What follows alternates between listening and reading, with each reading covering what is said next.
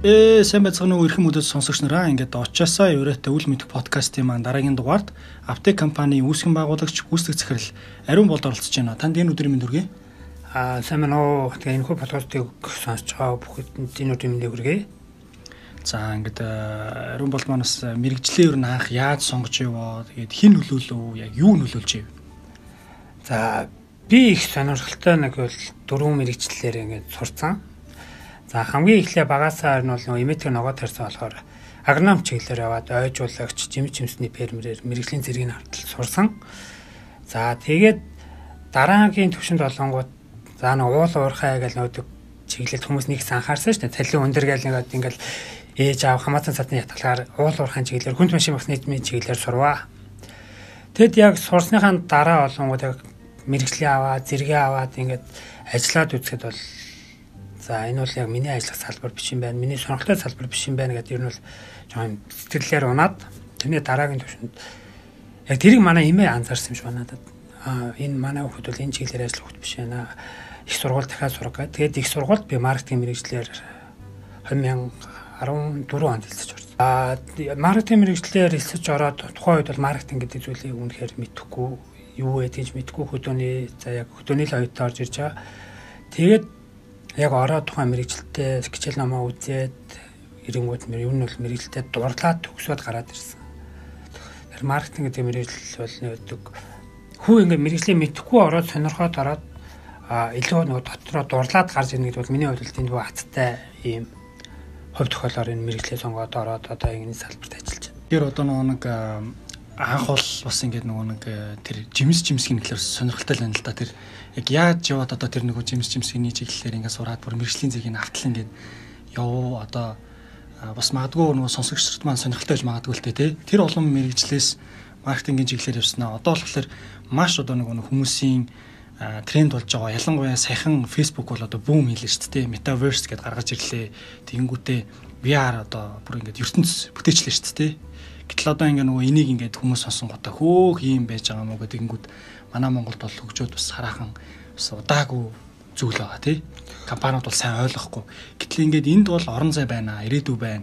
Тий, ирээдүйд бол хүн VR одоо тэр ертөнцид өссөн үсээгүй ингээд орох угаасаа цаг нь ирнэ гэдгийг ингээд мэдрээд а энэ чиглэлийн ингээд юм одоо компани байгуулад ингээд явах шийдвэр яагаад яагаад гарваа яаж гарав тэгээд энийг яг хизэнээс эхлэв а Ер нь хүмүүс ярьдаг л да ямар ч холбоогүй дөрөв мэрэгчлэр яаж сураад ингээд зэргийг аваад ажиллаад тэгээд ингээд явсан бэ гэдэг. Тэгээд миний хувьд илүү нэг сонирхолтой эрсдэлтэй зүйлд илүү дуртай хүн маань тэгээд оролдож үзэх багасаа л ногоо тарьж үссэн имэтгээ цуг тарьсан болохоор тэр жимс жимсний нэрийн гэсэн мэрэгжлийн төвшөнд нийцэмшээд сураад тариад үзийгээд үтсэн тэгээд ажиллаж үтсэн бас л сонирхолтой байсан дараагийнх нь хүнд машин механизм ажиллаж үтсэн бас л сонирхолтой байсан а гэвч нөгөө миний урт хугацаанд энэ бол миний ажлын байр биш юм байна гэдгийг бол мэдсэн. Тэгээд маркетинг гэдэг зүйлд бол сураад мэдээж мэрэгжилтэд дуртай болсон. Энэний гол хоёр энэ маркетинг сураад хоёрдугаар курстэй би Монголын маркетинг холбоонд оюутан байхасаа нөгөө оюутан маркетер клуб гэдгийг ороод ингээд нөгөө яг бизнес дээр яг алдчихж байгаа нөгөө маркетинг маркетингийн дунд орсон байхгүй оюутрал гуудлаглаа хүмүүс тэр хүмүүсээс маш их үлгэр дуурайл авч мэрэгчлээ улам дуурлаж эхэлсэн. За тэгээд 2000 18 19 онд бас юу болсон юм? Азийн маркетингийн чуулган Монголд анхудаа болсон. Тэрний нөгөө жинхэнэ зохион байгуулагч бүгдийг хийдэг нөгөө хүүхдүүдийн нэгээр ингээд нөгөө явж байгаа ойд. Тэн дээр гаднаас ингээд төлөөлөгчөд ирээд тэгсэн чинь тэнцээ ингээд нөгөө VR бол дараагийн трендээ гээд яригдчихсан. Маркетингийн дараагийн тренд болох юм юм байна гэдэг. Маркетинг холбооны Азийн ерөнхийлөгч нь бол яг тийж ярьж. Тэгэхэд бол яг манай яг найзтайны хамт манай найзаас энэ VR бол ирээдүйтэй юм байна гэдэг дипломын ажил бас болгочсон. Тэгээд бид хоёр төгсөөд их сургуулаа төгсөөд хоёулаа бас бизнес байгууллагын төслүүд төлбөрүүдийг авч ажилладаг байсан. Төслүүд дээр ажиллаж агаад ер нь өөрсдөө юм ахлья гэд хоёулаа бизнес санаануудыг ярива. Бүгд ингэж жагсааж үчээд за минийх энэ байна тэрний энэ гэж шинхэн төгссөн тэгээд залуучуудаас болохоор илүү нөгөө төсөн мөнгө гэдэг юм кармаж хоос эхэлж байгаа шүү дээ. Тэгэхээр хамгийн бага зардалтай нь юу вэ гэдэг хоёул технологийн салбар дээр тэр зурлаа нөгөө VR гэдэг зүйлийг аваад ярилцаад үзүүл ямар вэ гэдэг. Тэгээ VR-ыг судлаад За манай зөв бүр гадагш Америк Америкт очоод нөгөө яг ийм судалгааг хийгээд үзээд тэгээд хоёул энийг бизнесийн төвшөнд бизнесийн байгууллагад санал болгоё. Яагаад гэвэл хэрэглэгчид бол энийг мэдэхгүй байгаа. Манай монголчуудад ар гэж мэдэхгүй байгаа. Тийм бол бизнесийн байгууллагуудад зориод үзээгээд энэ салбар руу орсон.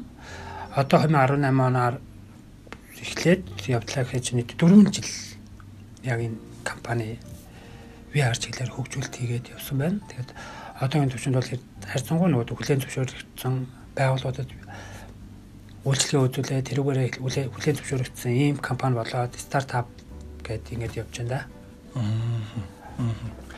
Аа за тэгвэл одоо нөгөө нэг яг энэ чиглэлээр нөгөө нэг ажиллаж байгаа одоо сурж байгаа одоо гэдэг ч юм уу тий эсвэл яг энэ чиглэлээр ажиллах гэж байгаа ийм залуучуудад нэг яг ийм ийм ийм ийм ийм одоо энэ чиглэлээр ажиллахад ийм чадруудыг шаардах гээд байна гэвэл одоо яг ямар чадруудыг нэрлэх вэ?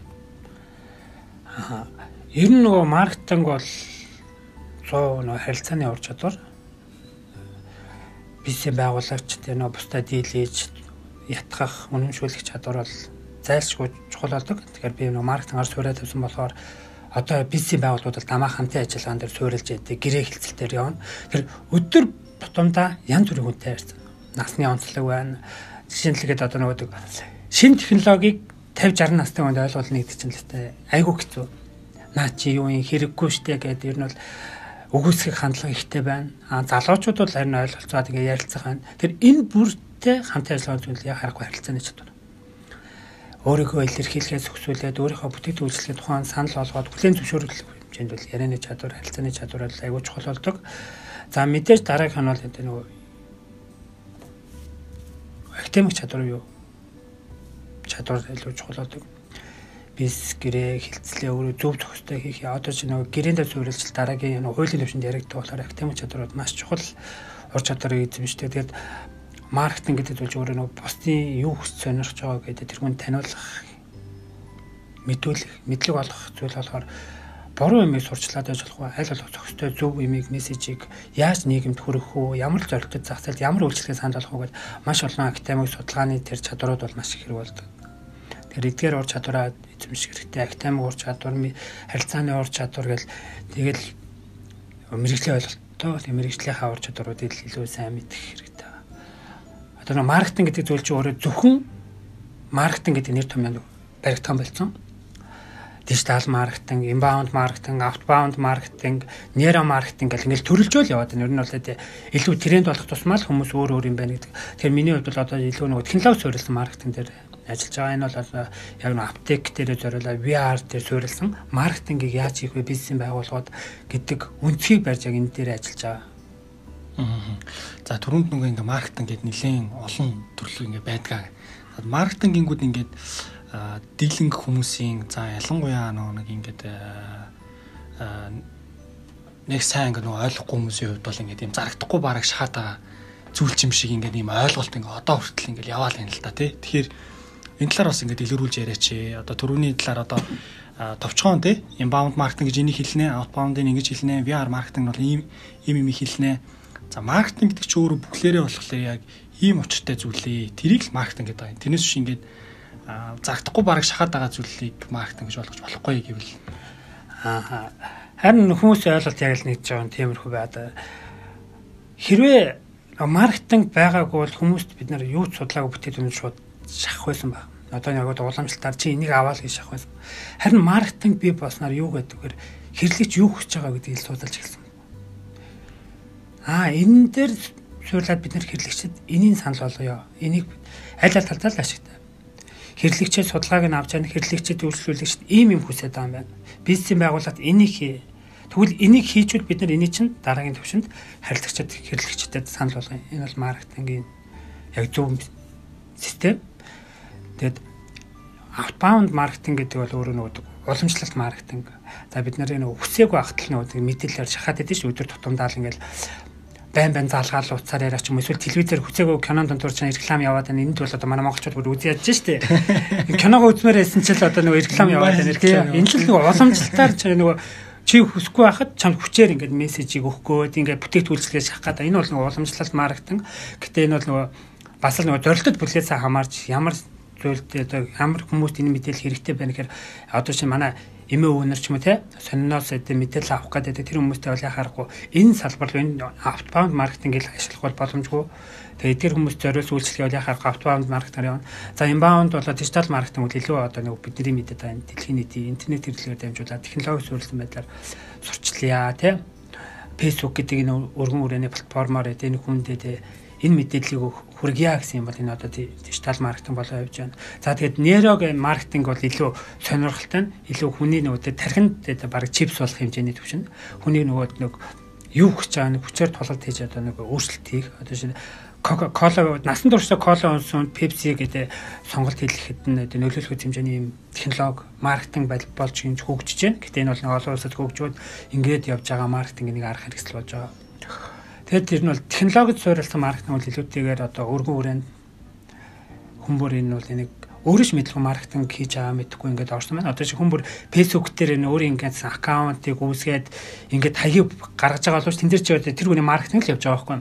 Одоо хажууд нь ятнаал нэг single double гэл ингээд бичээс байгаа шүү дээ. Би single гээл мэдээлэл өгч би тэр тэр сургуульд өгсөн гэдэг. Ер нь бол энэ хүн өдөр тутамдаа өөрийгөө болоо бусдад илэрхийлэхдээ нөгөө маркетинг арга хэрэгсэл харилцааны ур чадвартай бас уялдаа л явж байдаг. Тэгэхээр энэ маркетинг гэдэг зүйл бол хүн бүрийн амьдрал зайлшгүй оролцож байдаг хүн өөрөө мэдхгүй энэ маркетинг хийж байдаг тэргээж мэддгүй ингээд байдаг илүү нөгөө академик төвшөнд суурилсан олонгууд одоо маркетинг нэг одоо маркетингийн нэг харагдлаа бас нийгмийн хариуцлага маркетинг гэдэг зүйл Монголд гоё эрчийг аваад байгаа амар таалагдж байгаа. Нийгмийн хариуцлагын маркетинг гэдэг бол одоо нөгөө саний хэлсэн чинь бүтээгдэхүүнээ шахах гэдэг биш. Яг нийгэмд юу хэрэгтэй байна? Тэр асуудлыг хөндөж тавья Одоо гадны амар амар маркетингууд дээ нэг мариалсан өрөөнд аа яа хаанах юм бэлээ нөгөө музей ингээд нөгөө музейгээ зарлаа гэсэн нэг юм нэг зарыг тавиад. Тэгээд ингээд тухайн улсын хүмүүс өө миний музей манай улсын музей хийн авах чинь ямар том компаниуд авах чинь гэсэн асуудал байсан чинь Үгүй энэ бол маркетинг байсан маа. Ингээ манай музей бол үнэхээр тампуурах төвшөндөө очсон байгаа шүү. Та нар ингээ манай музейд хөрөнгө оруулалт хийж ханд үе гэж та нар манай музейд хизээж ирэх боломжтой хүмүүс шүү гэсэн байдлаар ингээ музей улсын музейгээ аварж байгаа жишээ нэ. Эсвэл одоо чи манай Монголд юунтэй л айгуу сайн нийгмийн хариуцлага хүрээ маркетинг гэдэг жишээ нь зүв байцгаа тий хогоо англи чая эсвэл нийгмийн ямар нэгэн асуудлуудад одоо Mobicom ч гэсэн одоо нөгөө цэвэр устэй сургууль бүр цэвэр устай байх хэрэгтэй гэдэг. Ийм байдлаар илүү маркетинг хийж яана гэдэг чинь дараагийн түвшинд илүү нөгөө хүмүүс руугаа чиглээд байна хүмүүс юу хийж яана гэдгийг маркетинг түвшинд гаргаж ирж яана гэдэг нь айгу зөв зохистой явж байгаа хэлбэр.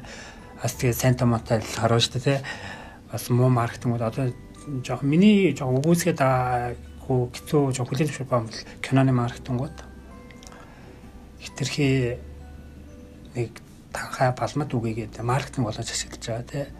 Одоо сонин тим аавгаан зарыг гэдэг зар байна гэдэг энэ бол зүгээр киноны маркетинг байлаа гэж боловч энэ өөр нийгмийн сэтгхүүд маш муухай нөлөөлж байгаа нийгмийн анхаарлыг татахын тулд ийм муухай арга хэрэгжилж байгаа ийм л хэлбэр илүү нөгөө манай монголч он тренд болох гээд байна удаа гэсэн тийм юм ажиглаж байгаа. Гэтэ энийг бол 100 маркетинг гэж хэлж болохгүй. Энэ бол хувь хүний нөгөө бодсноос л бүтсэн юм. Гэтэ бид нар тэр бүрт ингээд анхаарал хандуулад байж болохгүй нэр өөртөө л юм ялгаж салгаж иж хинч хүчээр өөр чинь юу санал болохгүй байх төвшөнд өөрийгөө л бэлтгэх хэрэгтэй. Аа за тэгвэл нөгөө нэг VR маркетинг тий. VR маркетинг юу нэг яаж өөрчлөлтөөр нөлөөлөл авчирч байна. Одоо нөгөө нэг уламжлалт түрүүний ингээд ярьсан дижитал inbound, outbound ингээл маркетинг хийгээл те давхар ингээд дижитал одоо маркетинг гээл ингээл яриад байна. Тэгэл дижитал шилжилт гээл ингээл бас яригдаал байна те. Тэгвэл эдрээс ялгарх юм нь одоо VR маркетинг нэг юугаараа ялгараад юугаараа одоо илүү байгаад байна те. За VR гэдэг маань өөрөө болохоор хиймэл битэд орчин суурилсан контент.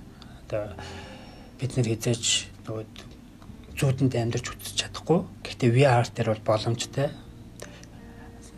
Тэгэхээр нөгөө VR гэдэг бол илүү хүнд бодит мэд мэдрэмжийг өгж байгаа тэр зүйлийг VR дээр суурилсан маркетинг гэж байгаа. За бидний хувьд бол одоо бизнесийн байгууллагад юу санал болгож байна гэхээр за үйлчлэгээний тал байчин эсвэл үйл хөдлөх заргаж байгаа үйл хөдлөгчин гэрлэгч бодитоор үзэж чадахгүй байна тий бид нараа насаар амьдрах байраа зүгээр нэг 2D зураг хүний хүссэн өнцгөөс авсан 2D зураг хараад сонголт хийхээс илүү тухайн байрын өнцөг болон бүрийг харах мэдээж би нэг гаднаас байр худалдаж авах чад тэрний өнцөг булан бүрийг хармаар байдаг. Тэгэхээр илүү 360 байдлаар интерактив байдлаар байдیں۔ тухайн юмыг ханаас ч цаг хугацаа, орон зайнаас үл хамаарсан байдлаар үзэх боломжийг үүсгэх дээр нөө VR маркетингийн давуу тал юм болж байна. За цаашлаад гэвэл нөгөө хүүхд залуучуудын сонирхол бий технологи зүйрлсэн, дижитал хэлбэр шилжсэн энэ цаг үе дээр нь яхаа аргагүй нөгөөдөг гэрээсээ музей үзэх боломжтой би болоод байгаа байхгүй VR маркетинг дээр виртуал музей гэдэг юм дэлхийд ингээд тренд боллоо. Энэ ч манай Монголд хэрэгжиж байна. Тэр VR гэдэг бол чиний хүссэн болгоныг тэнцээ биелүүлэх боломжтой маркетинг харилцагчтай юуг үзүүлмээр нь илүү бодиттой гэдэг зүйлийг бий болгож байгаа. Энэ л зүйл бол нөгөө виртуал маркетинг VR маркетингтэй ингээд тоцоод орж ирж байгаа. Би нөгөө Money Ballers гэдэг нэг нөгөө Dwayne Johnson-ы тоглосон кино гэдэг чинь тий. Тэрний яг тэр нэг сүүлээсээ нэг итгэн анги дэржлээ гарч ирсэн яг тэр VR-ыг ашиглаад прожектыг ингээд яг танилцуулж байгаа. Тэгээ хөрөнгө оруулалт босгож байгаа. Тэр бол ингээд амар лаг жишээ харагдсан байхгүй. Тэгээд яагаад манад одоо жишээлбэл тэр зүйлийг хийдггүй болооч гэх юм уу тий. VR зүгээл яг ингээд бодтой юм шиг. За энэ төсөл хэрэгжлээ хэд жишээлбэл энд ийм юм баригдаад энэ дотор ийм ийм ийм ийм үйл ажиллагаанууд явагдаад за одоо нэгдүгээр давхарт жишээлбэл ийм байна, хоёр тийм байна, гурав дөрөв гэл ингээд үзүүлж байгаа байхгүй. Тэгээл тэрийг харчаал вау тий. Яагаад манайх одоо бизнесийн байгууллагууд ийм хийхгүй байгаа юм л доо. Энийг ингээд бас хийх нэг нэг бэлтгэл нь бас хэрэгтэй юм болов уу? Цаг хугацаанд чулаагүй болов уу ч гэх юм уу? Тухайн үед ингээд бодчихвол тэгтэл ирээдүй хаашаа явж байгаа гэдэг зүгээр л нэг тэр киноны нэг жижигхэн нэг сэндэл гарчиж байгаа байхгүй тий.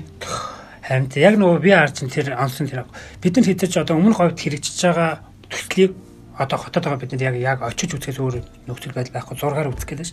Гэтэл тэрийг би харжуулаад нөгөө 360-аар те эсвэл ингээ өвдүүлэх бүрэн боломжтой. Энд чинь яг ийм төсөл хөтөлбөр хэрэгжиж байгаа шүүгээ бодит баригдсан барилгатай ингээд зураг авалтыг 360-аар үзүүлж. А баригдаагүй барилгыг бол бид нар ийм юм хийх гэдэг шүү дээ гэл одоо зүгээр яг Чингис хааны музей шүү дээ нэг Чингис хааны музейг л хил ам дагуулад байгаа боловч хэрвээ VR-аар үзүүлсэн бол өө ийм гоё юм бүтээл гарах гэдэг юм биш гээ билүү хэрлэгч хүмүүсийн шүмжлэг юм илүү дарах боломж байсан баг маркетингаар шийдсэн бол тэр нөгөө юм бүр нөгөө цаг хугацаад одоо манай монголчуудын VR-ыг илүү ойлгох, бизнесний төвшөнд ойлгох тэр төвшөнд бас edhe хүмүүс хэрлэгчт маань бас бэлэн байх. Энэ төвшин бол удахгүй ирээд хүмүүрээд нөгөө юу хийх гээд байгаа юм бэ төчлөө бодитоор харуул ядна ви араар харуул гэсэн нөхцөл тийм тавигдах шаардлагатай удахгүй болох бах энэний нэг эхлэл бол яхаа аргагүй Facebook-ийн metaverse болж байгаа гэж бил харж байна. За тэгвэл одоо нөгөө нэг ингээд мэрэгчлэрийн ингээд ажиллахын те аа сайхан бол одоо ингээд хэцүү зүйл ер нь юу байдаг вэ? Аа нөгөө хүн дуртай нөгөө өглөө гарах ажилтаа нөгөө дуртай ажилдаа явахдаг орой гэртээ яардаг бол гоё байдаг гэдэг шиг хүн дуртай юмтай яваан чиглэлээрээ явж байгаа болохоор би эндний эцийг л үзэх хэрэгтэй гэсэн юм а илүү бариад авчин шантрах гэдэг юм байхгүй дамаа би одоо шинэ нөгөө стартап компани гэдэг зүйлээ байгуулад баг бүрдүүлээд хүмүүсийн өмнө хариуцлага өрөөд явж байгаа. Энийг би нөгөө ял хэцүү байна гэж харахаас илүү энэ би дараагийн төвшөнд ийм аваа чинь ийм юм хийн гэдэг нөгөө улам өөртөө мотивац өгөх бүрэн боломж байна. Яг би энэ мэрэгчлийг эзэмсэн би энэ дуртай байгаа болохоор Тэгэд өөрийгөө шантрах үед нь босгох тэр хүч нь бол яхаарахгүй энтэй холбоотой байгаа. Би дуртай юмараа л явж байна. Миний эрсдэлтэй ч гэсэн надад гоё ан капитан гэдэг байдлаас тэгээд анх бол мэдээж маш хэцүү байсан. Анх бид яг нөгөө VR маркетинг, виртуал маркетинг бизнес байгуулалт санал болгоход манай нөгөө хамтууд ч бис ингээл VR гэдэг шинэ технологи танилцуулганд VR явах чи хэд настай вэ? Чи ихнэр хөхтэйг шууд хувийн орон зайраа орж ирэх гэж байна. Тэгэхээр энэ нөгөө тухайн үед л нөгөө яг харахгүй нөгөө харилцааны уучлаар ингээл уучлаарай би ингээд технологи яриа энэ бол миний хувийн мэдээлэл энэ уулзалтанд зохицтой биш байхаа гэж ярьж байгаа ч чинь ер нь бол мэрэгчлэрээ ажиллаад анхны дамаа компани үүсгээд эхний нэг жил бол нэр амар нөгөө хүн цорилтуудад туулсан адын найз зах нь би бүр нөгөө өөр стил имиж дээр анхаарч эхэлсэн сахал ургуулж ихэдлээ хөгшин болж харагдах гэж маш их хичээсэн байдیں۔ Гэтэ сонирхолтой тэр үнэхээр нөгөө бодит нөгөөдөг өөрчлөлтийг авчирч чадсан. Яг Монголын нөхцөлд манай бизнесийг бас нэг дараагийн шатнаг гаргаж чадсан чинь нөгөө миний сахал байлаа бас хэрэгтэй гэж. Манай найз гэсэн яг надтай адилхан ба жоохон оварж боллоо. Хоёлаа ч гэсэн 20-т ирнэл бараг гэдэг нэг 40 50 юм шиг болсон да. Стил имиж яг тэгж бүрдүүлсэн байд. Тэгээ тэрний хүчинд яг нөгөө хүмүүстэй юмаа үзүүлээд харуулад те илүү нөгөө бизнес харилцаад бас гадаад байдал чухал юм байна гэдэг ойлгоод ингээд явж байсан. Аа тэгэхээр бүр энэ дуртай юм аа, сонирхолтой юм аа ингээд хийсэн бол ухрах хүнцгөө өөрөж харахгүй. Энэ би дараагийн түвш ингээд улам л нөгөө дамаа манай VR олон гоё хөгжөөд байла. Сайхан үрдлээд ингээд нас орсон охины нэг ээжтэй нь уулзсан VR-аар энэ бол бодит ертөнцид боломжгүй харин VR ертөнцид боломжтой болж эхэлсэн. Вау. Тэр шинэ технологи, шинэ өөрчлөлтүүд бол хүний амьдрал сонирхолтой гэсэн болгоны бий болгоно.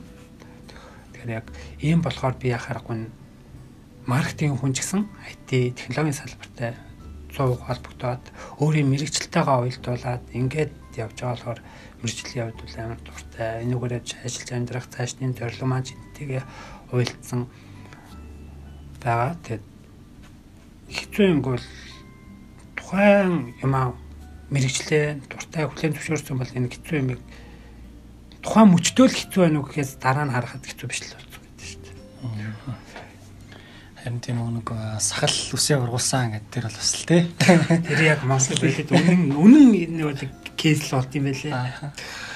Манайхан залуучуудаа яг хүлэн зөвшөөрж яах гэдэг мөртлөө залуучууд даас 30 жилийн туршид хэд байгаа шүү дээ. Тэгэхээр нөгөө хүүхдөөмж төрөл шууд ажлын байраа бодож өссөн юм шиг тэр мэрэгчлэр ажил.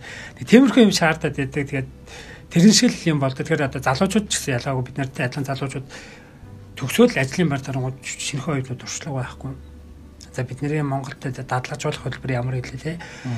Копи цай зөөх үл өмнөхөр одоо хоцрогцсон асуудал байхгүй. Үнийг хэлээд тухайн хүнийг Монголынхаа ирээдүг бодж л байдаг. Хайл алга суурь чадвараас нь анхны төвшин чадвараас нь санал болгоод ирвэл зүгээр байхгүй. Одоо жишээ манай дэлхийд 10 жилийн хүүхдүүд ингэ тадлах хийя гэд хүрээд ирдэг. Гэтэ цаг өөр болж байгаа гэж байхгүй. Залуучууд өөрийгөө юм хөгжүүлмээр байна. Ятна би IT-ийн мэрэгжил сонгохын тулд юу яах ёстой гэдэг юм орчинд нь орж үзье манай тадлах хийгээд хүрээд ирдэг. А бид нар бол ямар ч ингэ залуучууд ирэнгүүт аа за яг энэ чиглэлээр нь л дадлагжуулан чадсан мэддэг мал зааж өгнө гэж манад бүр 9 дугаар анги хүүхд хүртэл нэг сар дадлага хийгээд явсан байна. Тэгэхээр бол дуртай юмаа сонирхчул аваад тэр хэсгээр одоо ажиллаад үз. Энд тэнд очиод байгууллага санал тавихад бол одоо цаг өөр орчсон байх гэж бодож бидний хувьд а их сургуулаа төгсөөд нэг 3 жил нэг ажилласан байх ч юм уу юм нэг тавьдаг шаардлагагүй болсон болохоор ер нь миний хамгийн гоё юм одоо харж байгаа бол цаг өөр болж байна. Залуучуудад юмыг өөрчилж байна. Залуучуудын үеийн бүр ингээд өөр болж байгаа гэдгийг бүр ботоор мэдэрч байгаа.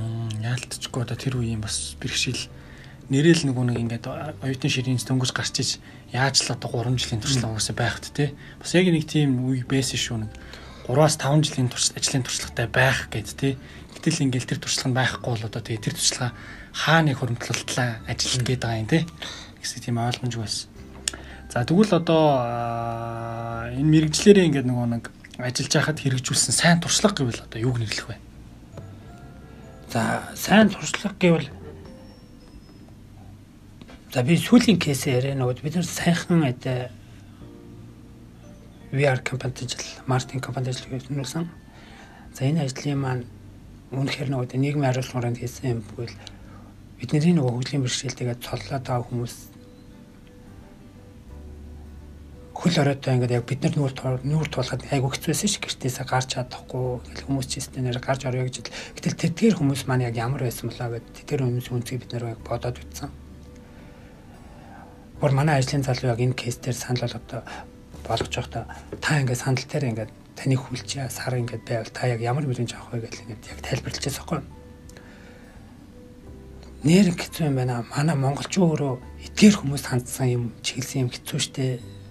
За би тэгэхээр тэр том юмыг шийдэж чадахгүй. Бид нар тэр том юмыг шийдэж чадахгүй юм чинь бидний хувьд хийж ажлын хувьд юу байна гэж харсан. За тэрний хувьд бид нар аа бид нар эдгэр хүмүүсийг юу хүсэж байгаа гэдэг VR бахан ч гэсэн үзүүлээгээд эхлээ бид нар энэ төслөө ингээд анх боловсруулж чад 20 30 хүмүүстэй уулзаж үзсэн. Та юу хийж үзмээр байна? Та яг таны хүч мөрөд юм юу вэ гэдгийгсэн. Сонирхолтой хариулт ирсэн энэ бол нөгөө зүгээр алхаж үзмээр байна. Нуур эргээр алхамаар байна. Зүгээр шүхрээр нисэж үзмээр байна бидний хувьд бол зүгээр л ингээ гараад хийчих юм те. Энгийн өдөр тутамдаа бид нарын таашаадгүй энийг хүсэл мөрөөдөл гэж харахгүй байгаа юмнуудыг тэр хүмүүс хүсчихсэн. Тэгээ бид нар багаараа бид нараад яг энэ хүмүүс хүсний зорийг нэг үзүүлээгээд нэг сарын турш контент юу яг VR зөвлөлт контентуудаа бэлтэж гисэн. Тэгэхдээ бид нэр өгийн нуур харангаар явж өгийн нуур дээр алхуулаад тийм зураг авалт, контентын зураг авалт хийгээд, шүхрэнээс ч контентын зураг авалт хийгээд, экстрим спорт, моринж тавьж байгаа гэл бүр тэр бүтэл нэг сагс тоглож байгаа нэг хөвг цагаас тоолж үзмээр юм хин тэр контент үрд хийгээд тэгээд бид нар тэрийг хүмүүст үзүүлсэн. Яг тухайн нөгөө хүсчихсэн юм нөгөө тухайн дөрөв хүн дөрөвний сонгоод бид нар тэр дөрөвөнд нуур эргээр алхахыг гэсэн үнд нуур эргээр алхуулах мэдрэмжийг бахан ч гэсэн нөгөө хиймэл орчинд ингээ үзүүлээгээд VR зүйлгээ аудио тухайн орчныхаа аудиог нь тавиад урдах синс үлээлгээд тэгээд үзүүлсэн. Тэгэхэд тэр хүмүүс ингээд амар их баярлж байсан. Йоо ямар гоё юм бэ. Миний хүсчихсэн юм л шүү дээ. Манай багийнх энэ дээр нөгөө сарын турш ажиллахдаа бүгд амар ядарсан байсан. Гэтэ тэр хүмүүсийн реакшн сэтгэл хөдлөлийг хараад манайхан үнэхээр бид нар яг зөв юм а хийжээ гэд бүгд яг уйлж исэн. Тэнд байсан хүмүүс нөгөө сэтгэл нь гол зураад гэдэг чинь нэг яг ийм өчүүдийн мэдрээд бид нар бас битгаан ч гэсэн тусалж чадсан ийм ажил байна гэж харсан. Тэгэхээр технологийн гайхамшиг хийж байгаа ажиллаараа хин нэгэнд нөлөөлсөн айгүй том ажил болж чадсан. Манай баг бүрэлдэхүүнээр орж ажиллаж Эсвэл нэг нийгмийн хариуцлага хүрээнд хийсэн ийм том кейс болсон. Энэ бол яхаарахгүй нөгөө маркетингийн ажил, маркетингаар бид нэр технологийн төвшөнд ийм шийдэж болно шүү те гэсэн юмыг нэгэнд бас санал болгосон ийм л ажил болсон да. Тий, би тэр видеог үзээд бас ингээд нэг э, жохон ингээ бас нулимс цэлгнэл ер нь бол авсан. Тий, яалтчгүй. Нэрэл ингээ нөгөө бидний өдөр тутам ингээд нөгөө хийж чаддаг. Бид нар ингээ нөгөө өөрөө өөрийнхөө бүрэн бүтэн байгаа ийм одоо нөгөө боломжтой байгаа гэдэг хизээч оошодгүй байгаа байхгүй. Тэгээ тэндээс ингээ харахад зүгээр л тий а ингээл алхаал үцгэд л тий морь унж үзэх нь үцгийг л зүгээр ингээ мөрөөдөж исэн байгаа байхгүй тий. Гэтэл ингээл яг тэр морио унаал тэр шүхрээр ингээл үсрээл Тэгэл тэр ингээд хатан дээр ингээд нөгөө нэг яг тэр дүүжин ингээд нөгөө нэг гүүрээр ингээд алхах тий. Тэр мэдрэмж бол бас л яалтчгүй ингээд нөгөө нэг тэр тухайн гэр бүл гэр бүлийн гишүүдийн хэлж байгаа тэр реакшн одоо тэр хүмүүсийн реакшн бол надад бүр ингээд амар гой санагдсан. Яагаад тэгэхээр хизээч тийм нөгөө нэг контент нийгэмд чиглэсэн ийм байдлаар ингэж асуудал бас тий та нар ингээд нэг юм бодооч тий бид нар бас ингээд арай л нөгөө нэг өөрөө өөрсдөө хитрхи ингээд нөгөө нэг хайрцагч амьдраад байгаа юм шүү. Гэтэл ингээд цаан чин мянга мянган одоо ийм хүмүүстэй өөр өөр зүгээр л гарч алхаж үцхий, тоглож үцхий те хин нэгний одоо ингээд зүгээр л байгаа ертөнцөө ингээд хараад үцхийг л ингээд мөрөөддөг байтал ингээд бид нар бол ингээд явж гинэ гэдэг бол бас асар их том зөвшөөрөл байгаа юм те. Тэгээд тэр бол айгүй гоё компанид ажилласан. Тэгээд подкастын төгсгөл мэдээлэл холбогдох мэдээлэл гэдэг хэсэгт оруулна. Тэгэхээр та бүхэн үзээд тэгээд бас бусад хүмүүстэй түгээж өгөөрэй гэж хүсмээр байна. За тэгээд аа карьер гэж юу нэг карьер гэхлээр нэг нийгэмд нэг юм ойлголт ингээд ийм хөвшмөл ойлголт байгаад байдаг л та тий.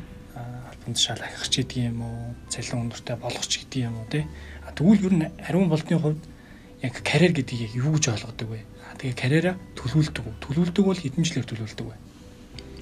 Би яг нөгөө төлөвлөгөөний дагуу амьдардаг хүмүүсийн нэг байдаг шүү дээ. Яг би яг тийм. За их сургуульд орохдоо хүртэл би их сургуулаа 3.5-аар төгснө. Улаан дипломтой төгснөгийг зорж исэн. Яг л тэрүүгээр орсон. Дараа нь энэ бол компанид ажиллана. Тэгээд өөрийнхөө юм ихлүүл гэсэн чинь гэсэн зорж исэн. Яг ийм яг зарчмаараа явсан төлөвлөгөөний дагуу явж исэн. Карьер төлөвлөлт гэдэг бол албан тушаал их бол яаж биш хүний хүсэж байгаа зорж байгаа юмдаа хүрэх тэр гэтээ тэрүүгээр амьдаж хүн бүрэг хийсэн бүтээснээ нийгэмд үнэлүүлэх нийгмээр хүлээн зөвшөөрүүлэх ятна хамаатнуудаараа ч юм уу нэг тийм юм одоо карьер төлөвлөл гэж миний зүгээс хардаг а миний хувьд болонгууд карьер төлөвлөлтөн дээр илүү одоо нөгөө яг юг шүүмжлэгч сэтгэлгээнээс илүү нийгмийн асуудлуудыг шийдэхээс илүү өөрийг эзэмсэн мэрэгжил ур чадвараараа яг юу шийдэж болох вэ? Тэгээ энэгээр би ямар олдон амжилтыг би болох вэ? Мэдээж би байгалийн жамаар хөгшөрөх нь үнэн болоход хөгшөрсөн ханаа би яг ямар зүйлийг бүтээсэн, хийсэн нийгэмд ямар чиглэлээр хүлээн зөвшөөрөгдсөн байх вэ гэдэг зүйлээр нь бол карьер төлөвлөлтөнд анхаардаг. А одоогийн байдлаар бол тэгэл нэг алдаж оноод гэдэг яг тэр насан дээр явж байгаа болохоор яваал нь ямарс ингээл алдаж оноод ингээд явж байгаа. Гэхдээ хизээч нөгөөдөг За би маш олон өндөр цалин авъя гэж карьераа зорьсонгүй өндөр цалин авъя гэд Хэрвээ тэгсэн бол нөгөө шууд төгсөөл байдаг ажилд орох байсан байгаа төлөв талантай. Харин би нөгөө миний зорж ирсэн юм бол хувийн компани за болоо тэрийг илүү гоё ингээд ажиллах хүмүүстэй баг бүрдүүлэх юм те ингэж байсан энэ бүр дээр надад бодит одоо юм цалин мөнгө урамшуулалт юм уу те эсвэл байр машин гэж надад орж ирээгүй ч гэсэн миний хувьд орж ирсэн юм юу гэхээр хүсэл мөрөөдөл зорилго шийдэлтэй би энэ дээр их хүрч чадсан гэсэн нэг сэтгэлийн таашаал илүү өндөртэй байсан. Ингээд ирэхэд хүн чинь нөгөө дараа дараагийн маялга бодох тэр боломж нь бий болоод эхэлж байгаа. Тэр карьер төлөвлөлт гэдэг бол 100 албан тушаал, машин, гэр байр гэдэг юм бол 100 биш. Мэдээж энэ бол чиний юу хүсэж байгаа гэдгээ чи өөрөө жагсаага биччихвэл эн чинь чиний карьер төлөвлөлт болж. Хүмүүрийн зорилго өөр, хүмүүрийн харах өнцөг өөр. Гэтэ хүмүүр дотор нэг хүс юм аа. Зарим нэг хүмүүс одоо би эд заавал хувийн маяг эхлүүлэх шаардлагагүй шүү дээ. Энэ бол тий би энэ салбартаа ингэж амжилт гармаар байна гэдэг. Энэ ч л өөр карьер төлөвлөлт. Харин би Монголдоо хүлийн зөвшөөрөгчрүүд эмч болёо гэвэл ямар ямар сургууль суурна ингэн тэгнэ гэсэн төлгөөгөө гаргаад ингэж ажиллана гэдэг энэ бол карьер төлөвлөлтийн нэг бодит кейс болох ба. Харж байна. Тэгэхээр энэ залуучуудын хувьд илүү юу хүсэж байгаа зорж байгаагаа харчвал тэндээ хүрэх төлгөөгөө л бичиж. Тэрнээс бол миний карьер карьер карьер гэж өдөр тутамдаа тэрийг бодоод байвал энэ нь өөрөө туйлширсан болох. Юмаа хийгээл яваал тэрнээсээ цаашаа нөхцөлийн таашаал аваад алдаж оноод л яваад хамлын ч боломж байхгүй. Нэг үеийн бодвол манай залуучууд чи стартап гэдэг юмыг ойлгоод илүү зориг чулуудаад ээж аав хамаатан садан найзуудынхаа шахалтаас өөрөөр өөрөөрөө сэтгэж чадчих байгаа ийм үе байгаа. За над дээр нэг бодит тулгарсан кейс юмуд за нэг их сургуулаа нэг онс түнтэй гайгүй төгссөн хөхтэй шүү дээ. Тэнгүүд тэр хөхтөөс чи нэг хүлээлт нь өндөр болчихд юм хамаатан садан гэр бүл За ятна багш нар найзууд ял хүүхд чийтэй сайн сурчаас он сурлагатай хүүхдээсэн чи чи нэр өндөр цалинтай одоо нөө байр машинтай юм байх хүүхд юу гойгаа яваад байгаа юм гээл эхний нэг хоёр жилч ойлгохгүй. Гэтэ энэ бол хин нэгэнд хүлийн зөвшөөрөх 100 ингээд хүлийн зөвшөөрөх гэж карьераа төлнөд бол харамсмаар. Тэр үед яг надад хэцүүс яг харахгүй хүн ингээд чи яриачтэй гэл баг хажууд нь баг л чи ч өстө нэр ийм явах хүүхд биштэй гэл нэг нэг алдаж онцсон манайхан чи тэгж ярьдэж хүний амьдрал амар орж ирдэ штэ баг л өрөвдөөл чи минь яавда даан чи яавда л гэсэн шиг харцал. Үгүй тэр хүмүүстэй зүгээр тэгж харж аж болоос миний өнцгөр миний хүссэн юм а хийж байгаа л энэ гоё юм энэ нь бол миний карьер энэ бол миний карьер төлөлт ирээдүйд би маш олон би харж юм технологийн шийдлээс бүтэн маш олон нэг шийдэл болгох санал болгох юм хийн мэдээж бас ирээдүйн маш том карьер төлөлтийн маань нэг бол их хуралд орох зорилготой. Тэгээ энэ их хуралд орохдоо л нөө ярьдаг шийдвэр болчихгол үүдэж байна. Тэгээд ягаад бас хувийн бизнесийн салбарт өөрийгөө нөө хүлээн зөвшөөрөх хэрэгтэй вэ гэхээр тэнд ороо би ашиг сонирхлын зөрчилгүүгээр орох хэрэгтэй. Надад мөнгө байхгүй бол би тийш ороо мөнгө олох гэж ороод тийнээс иж ашиг сонирхлын зөрчил болчихно. Тэгэхээр өөрийнхөө хэрэглээ өөрөө хэрэгцээ хангацаад өөрхийн нийгмийн шийдэл санал болгоход тэнцээ орж ажилласан гэж зорж боддог миний карьер төлөлтийн бас нэг юм энчээ явж иддэг. За тэгвэл одоо анх юу н ажлын гараа хаанаас эхэлж ирсэн бэ те өдий хүртэл одоо аптек гэдэг компани үүсгэн байгуул хүртэл нэг хаана хаана ажиллаж байва. За би ч оюутан батагаас хөдөлмөрч оюутан гэдэг төрөөмөөс байгуул бас байгуулад бас л нөгөө нэг бодит кейс төр сөрөлж хөөд би ч оюутан хүмүүс чинь цагийн ажил олмоор байдаг. Цагийн ажил одддаг шүү дээ. Тэгээ тэрийг боловсролын яаманд Аз баяр чимэд хүчргээ найзтай нийлээд энэ асуудлыг хараад боловсролын яам төсөл бичсэн. Энэ бол цагийн ажилд оюутнуудыг зуучлах төрийн бос байгууллага. Гэт тэгээ тэрийгээс яанаас санхүүжилт аваад төрийн бос байгууллага байгуулсан. Сонирхолтой гэвэл маш амжилттай хэрэгжсэн төсөл болж ирсэн бид нар яг оюутан болоод оюутан хүмүүс бизнес байгууллагад очиод танад оюутан цалинжуулах, цагийн яар цалинжуулах боломж байна уу байна гэдэг. А энэ хоёрыг ингээ холбоод үгээд бид нар чинь тэрнийхээ уран бараг 30 гаруй байгууллагатай гэрээ байгуулад яг 2 жил хэрэгжээд 300 гаруй оюутныг цагийн ажил зурцсан байсан. Тэгээ бас дадлаг зурцсан, сурал семинар зохион байгуулсан ийм байсан. Тэгэхээр энэ бол надад бас нөгөө амар том чадварыг өгсөн зүйл байсан. Яа тэгэхээр бизнес хамтын ажиллагаа үүсэх. Одоо чи миний стартап эхлэх хамгийн гол юм чинь бас тэнчанаас эзэмшиж авсан. Цаалын нөгөө албан бичгийн стандарт, албан бичиг гэрээ хэвлэлийн стандарт нөгөө бизнес байгууллагуудаа оюутнуудад төлөвлөх эрхийн үүднээс тэрийг харж харьцах болсон. Тэгэхээр тэр юмнуудыг бол эзэмшүүлсэн ийм том ажил хийсэн хөтөлмөрчүүд нөрөн бос бол. За тэрний дараа нь болонгууд хөрөнгөний биржэд би яг нөгөө датлагчаар ороод inbound маркетинг буюу хөрөнгөний биржид дижитал сурсан маркетинг хэрэгтэй байна гэдэг тэндээ н орж ажилласан. Энэ бас л нөгөө бодит кейс би яг хөрөнгөний бирж гарч манай хөрөнгөний бирж дээр маш олон улсын стандартууд яригадаад байдаг. Гэхдээ тэр нь яг бодит кейс дээр судлаад хэвдсэн чинь оюутнууд хөрөнгөний зах зээлийг мэдлэггүй бидний нөгөө дээд боловсрол эзэмшиж байгаа гэдэг оюутнууд хөрөнгөний боловсролын хөрөнгөний биржийг мэдлэггүй яг нөгөө хөрөнгөний зах зээл гэдэг зүйл ерөөс ямар ч мэдлэг мэдээлэл хүрээгүй нь олон улсын стандарт нэг л хүлээн зөвшөөрсөн байна гэдэг зүгээр миний зүгээр судалж үзсэн. Тэгээд а онлайнаар сургалтуудыг зохион байгуулалтын онлайнаар эдэ хүүхд залууч мэдлэг олох контентуудыг хий гэж ажиллаж байсан. За тэн дээр бол болонгуудаас өндөр үнэтэй сургалтуудыг бол бага үнэтэйгээр зохион байгуулах ажлыг бас хийчихсэн. Тэр энэ бол бас бас л миний сонирхолтой ажлуудын нэг. За тэгээд юу юунаас илүү бас Монголын маркетинг холбоонд сайн дурын ажилтнаар ажиллаж оюут багасаа орж ирсэн. Энэ бол бас мэрэгжлийнхэн маань ямар салбарт яаж явж байгаа вэ?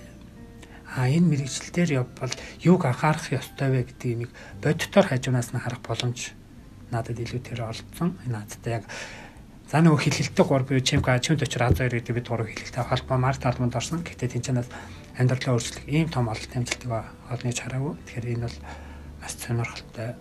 Тэнцэн хамгийн гоё нөгөө том том захирлууд, бизнесмэнүүд, маркетингийн том том менежерүүд байгаа ч гэсэн хэзээш нөгөө ийм дээд өнцгөөс биш яг ингээд хамдаа найзаа гэсэн өнцгөөс харьцаж бидний сурч өгчөөд ийм бодик үлгэрлэлийг бол өгч чадчихсан. Тэгэхээр нөгөө мэрэгжлийн салбарын экспертүүдийн дунд харьцаад үзэх, судлаад үзэх, хараад үзэх бол шал ондоо нүдийг нээж 100 онл гэдэг зүйл бодит амьдрал практикаар бол хэрэгжихгүй.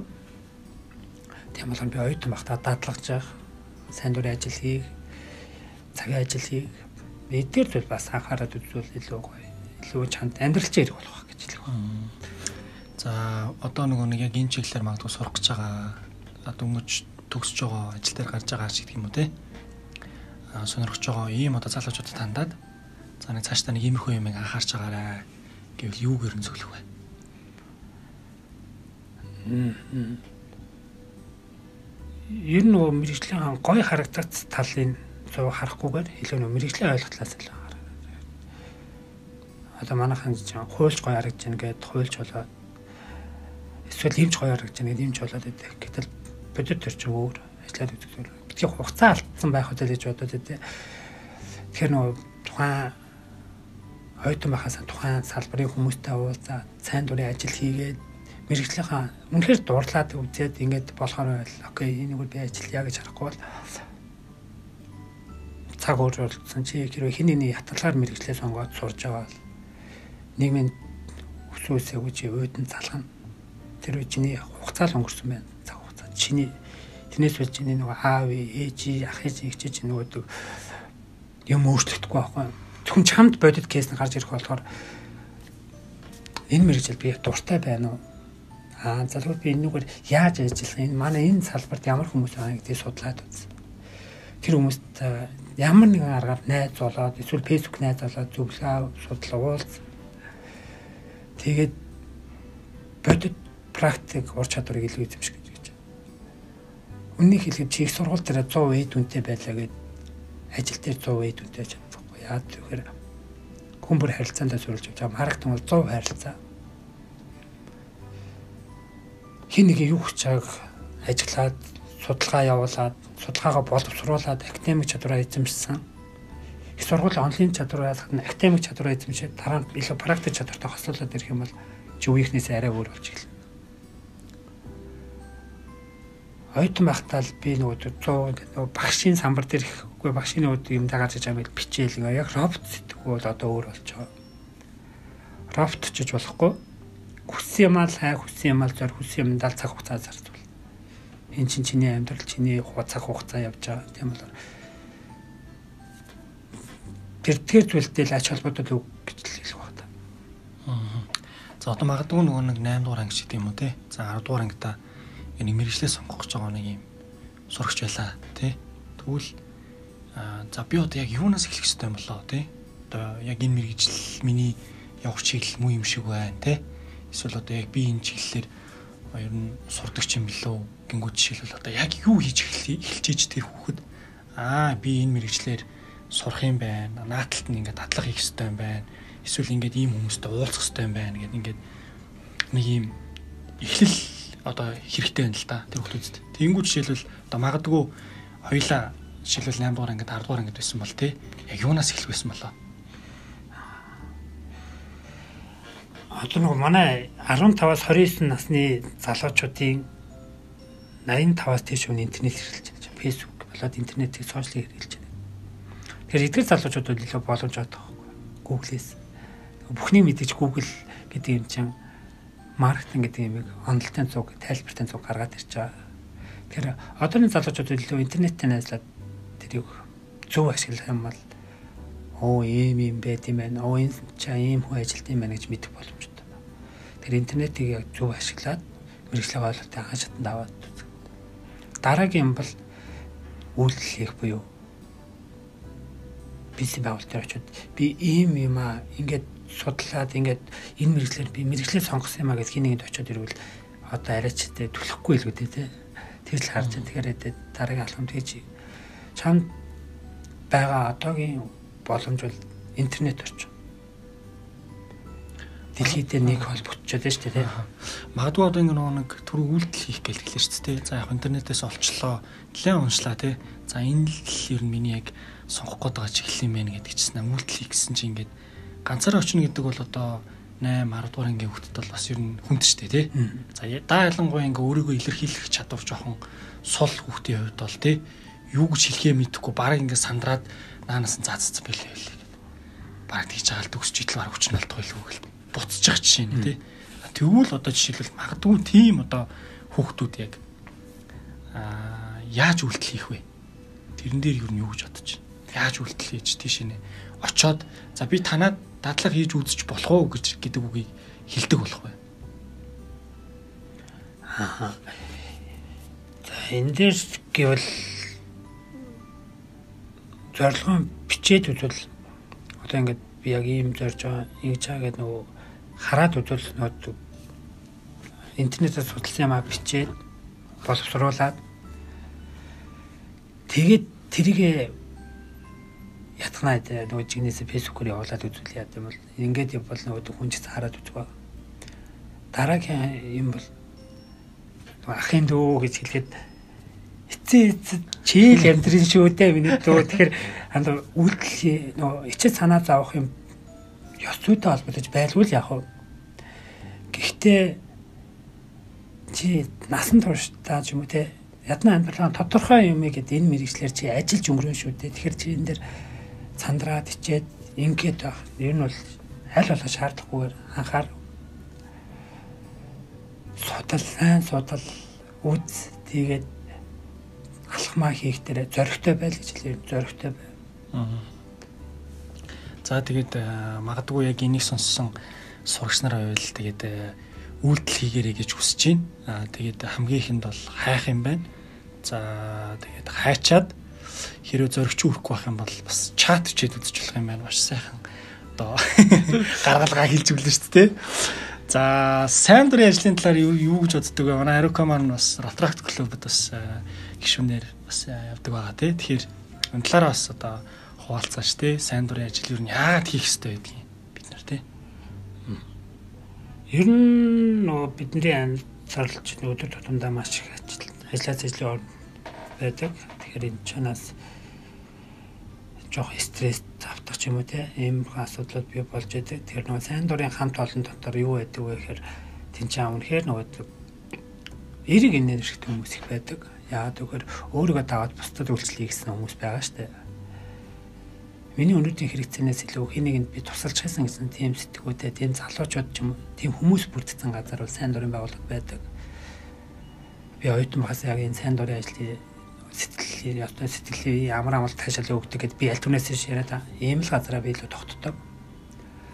Тэгэхээр хин нэгэнд өөрийн чадах хэмжээгээр туслах хин нэгэнд өөрийн мэдж байгаа чадж байгаа өөрт байгаа зүйлээ туслахын тулд явна гэдэг өөрөө бас тухайн хүндээ өгж байгаа маш том сэтгэл ханамж. Аа бас нөгөөтэйгөр яг хөө сайн дурын ажлын хүмүүс их сурга гадаадад явахын тулд хийж мэж гэсэн юмнууд байдаг. Би нэг хүлийн зөвшөөрдөг. Ер нь болно дээ гадаад явахын тулд тийм тавигдах шаардлагатай сайн дурын ажил гэж хэлдэг. Энэ бол edhe болно дээ хэнийг чи тусалж тухайн цаг үедээ л туслаад өнгөрч болно. Энд чинь зүгээр байж болох асуудал. А бас нэг юм тийм илтгэж чадварыг бас хит амис юм уу хит хотлон ярьдаг хүмүүс эзэмшихээс би яанаад яад вэхээр энэ бол өөрөө нийгэмд маш буруу үйлдвэрлэл өгч чаддаг. Маш хурм ихтлээ өхнийг авч явж чаддаг. Харин сайн дурын ажил бол үнэхээр тэр бодит орчин бодит кейс хүний харах өнцгийг өөрчилж чаддаг, хүрээг тэлж чаддаг, нийгмийн асуудлыг шүүмжил суух биш ордлох их үйл хийх алхмыг бий болгож чаддаар энэ сайн дурын ажлын хамгийн гоё юм нэ. Тийм болохоор би оюутанч бай, 10 жилийн сурагч бай, нийгэм сайн дурын ажлын маш олон талбар байгаа. Маш олон асуудлууд байна дамаа залуучууд бид нар шүүмжлэл суух цаг үе л одоо биш шүү. Одоо бид нар алхамд одоо өөрийн оролцоог нь оруулж хувь нэмрээ оруулж чадхаараас нь чадахгүй үл энэ нийгмийг өөрчлөх тийм үе ирж байгаа. Манай үед болсон ингээд ахмадууд маань суугаад байхгүй. Энэ бол хамтын ажиллагаа хамтран би нэг дэмжиж ажиллах хин нэг нэг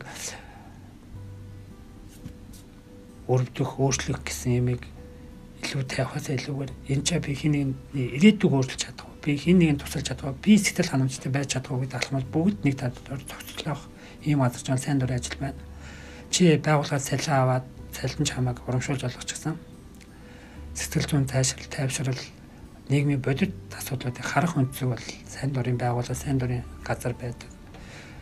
Энд ч бас чиний нөгөө танилын үрээд чинь бас хөрөгчих боломжтой ийм газар шүү. Тэгэхээр сайн дурын ажилд бол яаж ч утсан цаг гаргаад үзвэл чиний амьдрал бас харах өнцөг өөрчлөгдөх нэг зүйл гэж хэлэхээр хэлэхээр байна да.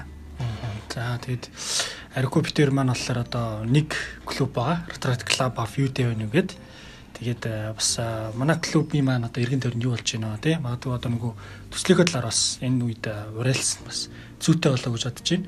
Яагаад тэлэр бас шинэхэн цэцлийг санаачлаад явж байхад бас нилээн олон ингээд чамгүй бас ингээд нөгөө хүмүүс хамтран оролцъё гэсэн ингээд энэ төслийг бас ингээд дэмжиж чинь тий. Тэгэхээр магадгүй одоо нөгөө нэг энийг сонсож байгаа сонсогч нар маань бас нэг хувь нэмрээ ороо би яаж оруулах юм бол гэж бодож иж магадгүй. Тэгвэл та ийм боломжтой шүү гэвэл одоо тэр төслийнхөө талаар бас товчхон хуваалцаад тэгээд ингэж оролцох боломжтой шүү гэдэг ингээ хэлүүлтэй.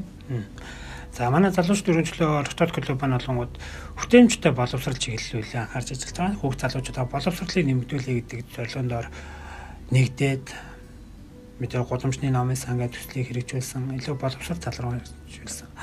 Одоо бид нар болонгууд бас хүртээмжтэй боловсрал гэдэг энэ хүү төслийг хэрэгжүүлж байна. Энэ хүү төслийн маань зорилго бол аутизмтай хүүхдүүдийн онцгой их таймд номын булган хийж тохижуулж тухайн хүүхдүүдэд чиглэсэн 82 ширхэг номыг судалгааны үндсэндээ гаргаж тухайн өрөө тогтчуулахаар зорж байна. За энэ төслийн маань бид нар үнэхээр нөгөө чанартай төсөл гэж ингэж харж байгаа. Яа гэвэл аутизм гэдэг зүйлийн талаар бид нар ойлголтгүй байгаад мэдэхгүй байж магадгүй. Эдгээр хүмүүс, эдгээр хүүхд заахс багчууд, томчууд нийгэмтэй харилцаа харилцаан дээр нэлээд асуудалтай байдаг. Бусдад нөгөө харьцаж чадахгүй тусгаарладаг хин энэ харьцах гэдэг бол илүү ууртаагаар илэрхийлэх гээд байдаг тий зохиожнууд ч юм уу тий ийм эдгээр залууч хүүхд залуучуудад тамаа яг бидний төсөл маань 6-аас 10 настай хүүхдүүдэд сургуульд өгч байгаа. Тэгээд 6-аас 10 настай хүүхдүүдэд яг номоор дамжуулан анхдагч боловсрал буюу бас л бидний нөгөөдөг өглөө босоод хоолундаа хийдэг хогоо шүүрддэг энэ алхмыг тэр хүүхдүүдэд зөв зааж өгөх. Бустай харилцах юм зөв зааж өгөх. Яг энэ нөгөөдөг анхдагч боловсрал тэр тухайн нөгөө аутизм ба онцгой хүүхдүүд актамтай нөгөө мэрэгчлэлтэй тэр хүнтэй ярьж хахад аутизмтай хүүхд тийм үгүйгээд хэлчихээ тэр хүний хувьд бас амар том өөрчлөлт болдог. Гэр бүлийн хүртэл амар том баярлалтай гэж байна. Тэгэхээр бид нар эдгээр хүүхд багчуудад эдгээр номыг ингээд өгөө. Эдгээр ном нь өөрөө нөгөө бас аутизм хүүхдүүд уурж тастах аюулгүйд их эрсдлүүд их өндөр байдаг. Тийм бол хатуу хавцтай, MTK гэд брендийн хатуу хавцтай номнууд яг энэ зориуд 80 номын ширхэг гаргасан өмг дүрсээс ахгуулаад шинжлэх ухааны хүртлээд бүх юмыг таниулах ийм боломжтой номнуудыг гаргаж ирсэн. Энийний үр дүн өөрөөгөө чинь яаж хэрэгжиж байгаа гэхээр тэр номнуудыг нэг багш нэг хүүхдэд тулж харьцааж өгнө. Өнөөдөр 45 хүүхдэд дээр те ном гिचэл наад их сурвалжаас автомобилтэй хүүхдүүдэд бол заавал тулж ажиллах болдог. Тэгэхээр бидний энэ зорилго бол бид нар ирээдүйд хин нэгний амьдралыг ирээдүйд өөрчлөх. Бид нар заавал 100 хүн, заавал 20 хүн бид нар тэнцээ байгаа 17 оюутанд 17 хүүхдүүдэд багаасаа нийгэмтэй харьцах харьцаанд нь тусад зорилгонд энэ хүртээмжтэй боловсрол гэдэг автозын онцгой хүмүүсийн актент ном болон номын сан номын өрөөг төгчүүлгээр ингэж ажиллаж байна. Тэгээд хүссэн хүн бүрээд энэ хүү төсөлд оролцож гар бие оролцож ханд өгөх боломжтой номон ханд номоор хандуулах тийм ингээд бүрэн боломж байгаа шүү. Нэг дээрээ гэж энэ бол залуучуудыг уриалж байна. За төгсгөлд нь холбоотой мэдээлэл гэдэг хэсэгт бас ингээд хоёр зүйл ингээд оруулах харуулж байна. Энэ төслийн талаарх холбоос мэдээлэлтэй хэсгийг оруулах. За тэгээд дөрөвний нөгөө нэг нийгминд хандсан одоо тэр төслийг бас ингээд уриалгах тий. Бусдад ингээд таниулах зорилгоор ингээд хуваалцахаар боллоо. Тэгээд хамгийн сүүлд асуултыг асуулт маань болохоор мартагдсан Монгол үг гэдэг. За магадгүй одоо нөгөө өөрийн чинь ингээд баг насандаа эмээ өвгөөсөө сонсч ирсэн ч гэдэг юм уу тий аав ээжээсээ сонсч ирсэн тийм хуучны ховор нэгэн сэтгэлч үлдсэн үг байвал хуваалцаач ямар үг байсан бэ? Тэр нь ямар утгатай байсан бэ? Эмээ тэр өссөн. Эмээгийн л нөгөө амьны зээн байсан хүн шүү те. Тэр нөгөө амьдрал нь өдөр тутмын өнөөдөр ийм залуу ийм бодол үзэл бодол мануулаас өмнө 100 юм ээ. Тэгээд эмээ надад нэг үнэн бай гэдэг үгийг амар хэлдэг байсан. Ямар ч зүйл худлаа ирээд худлаа игээд яваад иж болохгүй үнэн байх юм бол үр дүн яаж гарсан гэсэн чиний сэтгэл чи өөрөө нөгөө амар тайван байна гэдгийг алханд удаа яа энэ дээр олонгод би нөгөө хичээлийг хийж яах гээл ингээд суугаад байдаг байсан. Тэгээд яг үндэ хийхгүй байсан. Тэгээд яг тэр үеийн юм чи үнэн бай. Ямар ч үр дүн ямар ч гарсан үнэн байвал чам сэтгэл чи амар байна л гэдэг илүү хэлтэйсэн. Тэгээд нэр нь бодоод байхад худлаа ярьсан дараагийн юм мартахгүй тулд сайн ой санамжтай байх хэрэгтэй гэдэг шүү дээ. Тэгэхээр би маш муу ой санамжтай болохоор аль болох үнэн байх гэж хичээдэг. Хэлж ярьж аа. Тэ зарим нэг зүйлүүдийг яаж хийх үү тэгээ үнэхээр хэцүү болоод байна гэдэг гинэж амар их чармаал гараад байна алхмууд хийхэл за ажил одоо нэг би амар нэг стартап гэдэг юм чинь өөр хүний 44 баг 24 цагийн тэр чинь авдаг эннийхээ ажгаар нөгөө сайн дурын ажил дээр нөгөө анхаарах хэрэгтэй гэдэг нөгөө миний амьдрал нөгөө ямар цаг наргуу тэгэл тэн дээр ч нөгөө гэр бүл энийг бүх цагууд явж байгаа ч гэсэн хэлсэн бол хийдэг байх дээр айгүй анхаарч байгаа үнэн байх дээр тэгэхээр аа за энэ дээр хийх хэрэгтэй гэдсэн ботгол юм бол шүн сууж байгаа байл хийж гэж зорддог. За тэгвэл тэгээд маш сайхан сургамжтай нэлээд гүн гүнзгий утгаа болохтай үгийг суулцсан баярлалаа. За тэгээ өнөөдрийн дугаарт маань аптек компани үүсгэн байгуулагч гүйцэтгэх захирал ариун болд оролцлоо. Тэгээд цаг заваа гаргаж өнөөдрийн дугаарт маань оролцсон танд маш их баярлалаа. Тэгээд цаашдынх нь ажилд өндрөөс өндөр амжилтыг хүсье өрөөё. За баярлалаа. Энэхүү дугаарт маш олон хүнтэй зочдын нэг болж орж ирсэн та үнэхээр баяртай байна. Тэгээд би ч нөгөө нэг залуу хүний хийж үтээсэн бол лаг их хэмжээнд бол хүрээ байна. Гэтэ энэ хэмжээнд намайг үнэлээд мэдээд залуучуудад цаан ч гэсэн мессежийг өгч чадсан болоо чадах гэж хичээсэн шүү л гэж хэлмээр байна. Маш их баярлалаа. За тэгээд өнөөдрийн дугаар маань таалагдсан бол subscribe тэгээд бусад хүмүүс түгээгээрэй. Аа тэгээд лайк дараарай гэж хүсье. Тэгээд дараагийн дугаараа дахин уулзцгаая.